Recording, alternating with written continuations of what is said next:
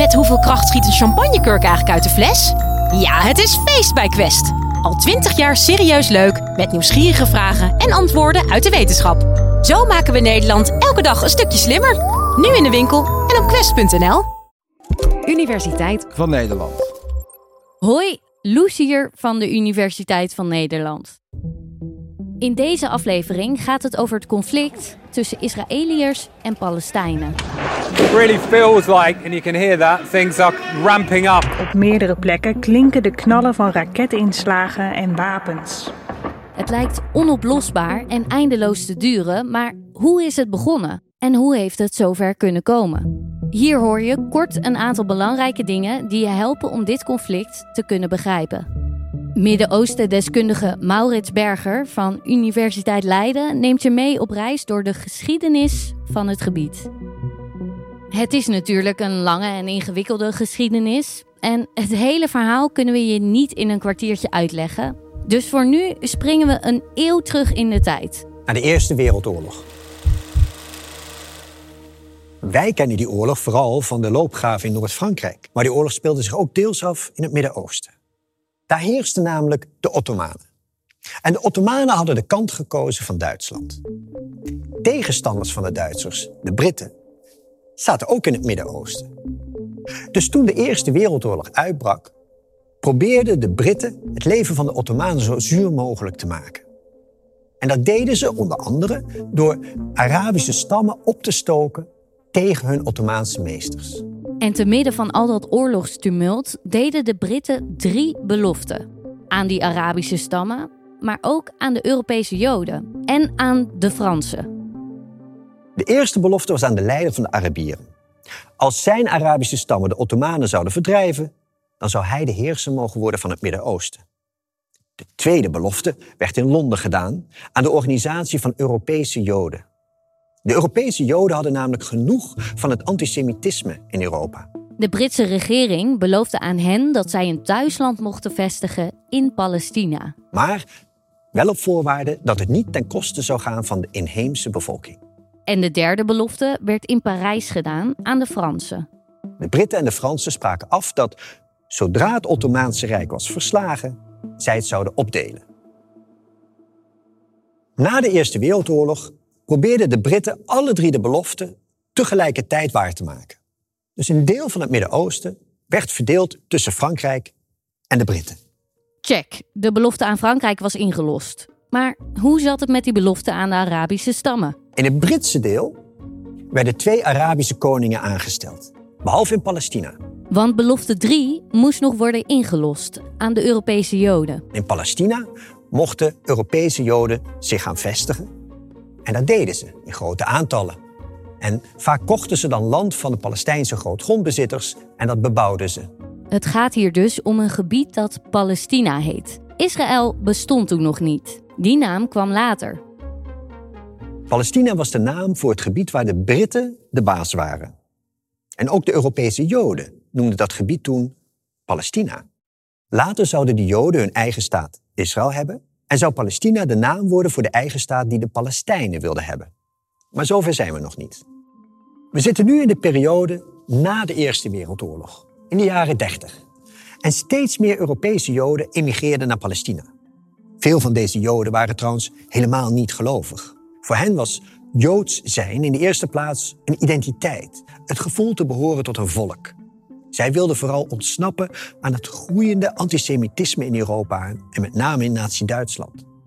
Maar de Palestijnen vonden dat er nu te veel buitenlandse Joden in hun land kwamen.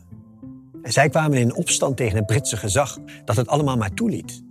De Britten waren de baas in Palestina en ze probeerden een compromis te bereiken. En ze kwamen met een voorstel om Palestina op te delen in een Joods deel en een Arabisch deel. De Joden waren enthousiast maar de Palestijnen waren erg verontwaardigd. Voor hen was het alsof ze onderdak hadden verleend aan Joden die ze in de kelder en op zolder lieten wonen, maar die zich nu opeens eigenaar zouden mogen noemen van de begane grond in de eerste verdieping. Ze wezen het voorstel af. Na de Tweede Wereldoorlog nam de migratie van Europese Joden naar Palestina alleen maar toe. De Britten probeerden dat tegen te houden en toen liep het uit de hand. Joodse organisaties voerden terreuracties uit tegen Britse soldaten. pleegde bomaanslagen en vermoordde zelfs de gezant van de Verenigde Naties die kwam bemiddelen. Het geweld in deze periode was dus vooral tussen Joden en Britten. De situatie liep zo uit de hand dat de Verenigde Naties met een nieuw verdelingsplan kwamen. Maar dit keer kregen de Joden anderhalf keer meer grondgebied toegewezen dan in het plan van tien jaar eerder. Maar opnieuw waren het de Palestijnen die het verontwaardigd van de hand wezen. De Britten hadden er genoeg van. En een jaar later trokken zij zich terug. Dat betekende dat er in Palestina niemand meer de baas was. En op dat moment riepen de Joden in Palestina de staat Israël uit.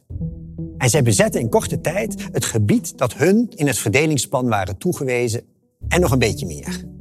Ze waren militair heel goed voorbereid en meer dan 700.000 Palestijnen sloegen op de vlucht of werden door Joodse milities verdreven. Heel weinig van hun zijn daarna nog teruggekeerd. De Joden in Palestina riepen in 1948 de staat Israël uit en herdenken dat moment als hun onafhankelijkheidsstrijd. Maar de Palestijnen herdenken deze periode als de Nakba, ofwel de ramp. Nadat Israël zichzelf in leven had geroepen, volgde een periode van oorlogen met de Arabische buurlanden. De eerste oorlog kwam vrijwel direct. De Arabische landen vonden het onterecht dat de Joden, die uit Europa waren gekomen, een eigen staat claimden. En dat de Palestijnen daar het slachtoffer van werden. De Arabische landen verloren deze oorlog, maar ze bleven zich verantwoordelijk voelen voor hun zwakkere broeders, de Palestijnen. Twintig jaar later liepen de spanningen tussen Israël en de Arabische buurlanden opnieuw op. Nu was het Israël die overging tot de aanval. En de Arabische landen leden een vernietigende nederlaag. Sterker nog, Israël bezette grondgebied van de Arabische buurlanden. En hier woonden veel Palestijnen. Die kwamen nu onder Israëlisch bestuur te staan. En dat maakte het conflict alleen maar ingewikkelder. We zijn nu in het jaar 1967 en Israël heeft delen van Egypte, Jordanië en Syrië bezet. Nog specifieker de Syrische Golanhoogvlakte, de Egyptische Gazastrook, het Jordaanse deel van Jeruzalem en de westelijke Jordaanoever. De Gazastrook en westelijke Jordaanoever werden door Israël gezien als de inzet voor onderhandelingen. Als de Arabische landen Israël erkenden en een formele vrede sloten, dan konden ze de gebieden terugkrijgen. Alleen over de Palestijnen werd niet gesproken en de Arabische landen bleven zich daarom vijandig opstellen. Israël ging de bezette gebieden daarom steeds meer zien als een militaire verdedigingszone tegen de Arabische buurlanden. En geleidelijk aan kregen deze gebieden ook een andere rol. Zij werden in gebruik genomen door Israëliërs die daar kwamen wonen. Die woonplaatsen worden nederzettingen genoemd en volgens het internationaal recht mag dat helemaal niet. Maar ja, wie hield ze tegen? Deze situatie bleef zo tot 1973. Toen begon de derde Arabisch-Israëlische oorlog. De Arabische landen wilden de bezette gebieden terug. Maar. Opnieuw kwam Israël als winnaar uit de bus. En dit was de laatste keer dat de Arabische buurlanden en Israël oorlog voerden met elkaar. In het begin waren het vooral de Arabische buurlanden die opkwamen voor de Palestijnen. Maar geleidelijk aan kwamen de Palestijnen zelf ook in het verzet tegen Israël. Dat verzet kwam eerst van de Palestijnse vluchtelingen die in de Arabische buurlanden van Israël woonden. Zij wilden hun land en hun huizen terug. En zij richtten de Palestijnse bevrijdingsorganisatie op, de PLO, en staken dan de grens over om Israëlische doelen aan te vallen. Sommige van deze strijders maakten zich ook schuldig aan terrorisme, door burgerdoelen aan te vallen.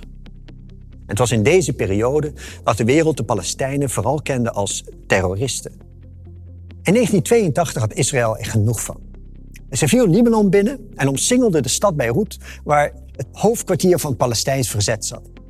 En het dreigde een stadsoorlog te worden met, met enorm veel burgerslachtoffers. En het waren de diplomaten die hier een uitweg in vonden en zij stelden voor dat de Palestijnse strijders en de PLO vrije aftocht zouden krijgen naar Tunesië. En Israël vond dat een goed idee, want dan waren de Palestijnse strijders tenminste ver weg van de grenzen van Israël. Maar nu de Palestijnse strijders naar Tunesië waren vertrokken, hadden de Palestijnse vluchtelingen die nog in Libanon woonden geen bescherming meer. En zo gebeurde het dat het Israëlisch leger twee Palestijnse vluchtelingenkampen had omsingeld en Libanese milities toeliet die daar een massaslachting aanrichtten. Nu de PLO en de Palestijnse strijders in Tunesië zaten, had Israël even rust, maar niet voor lang. Nu waren het de Palestijnen in de bezette gebieden zelf die in opstand kwamen. Hun leven werd al jarenlang onmogelijk gemaakt door het Israëlisch leger dat daar de baas was en door het groeiend aantal Israëlische nederzettingen in die gebieden. De strijd tegen Israël was al die jaren van buiten afgevoerd en kwam nu dus voor het eerst van binnenuit. Deze Palestijnse opstand heette Intifada. Uit deze opstand groeide een nieuwe organisatie waar nog weinigen van hadden gehoord. Hamas. En dat staat voor Islamitische Verzetsbeweging. Dus nu waren er twee Palestijnse verzetsbewegingen. De een was de PLO, die opereerde van buitenaf, was niet religieus. De ander was Hamas, die werkte van binnenuit en was juist heel religieus. Beide organisaties maakten gebruik van terroristische middelen, maar Hamas introduceerde een nieuwe methode, de zelfmoordaanslag.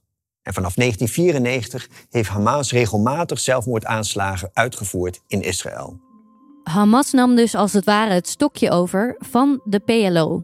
En zowel Hamas als veel Israëliërs gebruikten steeds vaker religieuze argumenten in het conflict. Hamas gebruikt bijvoorbeeld termen als heilige oorlog. En veel Israëlische politici spreken niet meer over bezette gebieden, maar gebruiken liever bijbelse termen, Judea en Samaria. En daarom denken veel mensen tegenwoordig dat het Palestijns-Israëlisch conflict vooral een religieus conflict is tussen Joden en moslims. Maar niet alle Israëliërs zijn Joods. Niet alle Palestijnen zijn moslim. Van de Palestijnen is de meerderheid wel moslim, maar er is ook een grote groep christenen. En van de Israëliërs is de meerderheid wel Joods. Maar er zijn ook Palestijnen die Israëlisch staatsburger zijn. En die zijn moslim of christen. En nog belangrijker is dat het Palestijns-Israëlisch conflict niet gaat om een religieus gelijk, maar om de aanspraak op grondgebied. Beide volkeren willen immers een eigen staat. Er is in al die jaren zoveel geweld geweest dat je kunt afvragen of er wel kans op vrede is. Regelmatig wordt daar door partijen over gesproken, maar het gaat heel moeizaam. Niet zo lang geleden hebben Israël en een aantal Arabische landen vrede gesloten. Jaren eerder hadden ook Egypte en Jordanië vrede gesloten met Israël. Maar in deze vredesakkoorden werd niets gezegd over de Palestijnen. Nu had de Palestijnse organisatie PLO zelf ook al vrede gesloten met Israël. En dat was in 1993. En het staat bekend als het Oslo-akkoord. De twee partijen kwamen overeen dat ze zouden gaan werken aan een twee-staten-formule. Wat inhield dat Israël en Palestina elk een eigen staat zouden krijgen. het grondgebied dat was toebedeeld aan de Palestijnen was wel veel minder dan in andere verdeelplannen. Maar ze zagen dit als hun beste kans. En toch liep het al vrij snel stuk op wederzijds wantrouwen. Hamas vond namelijk dat de PLO zich had laten afschepen met veel te weinig grondgebied.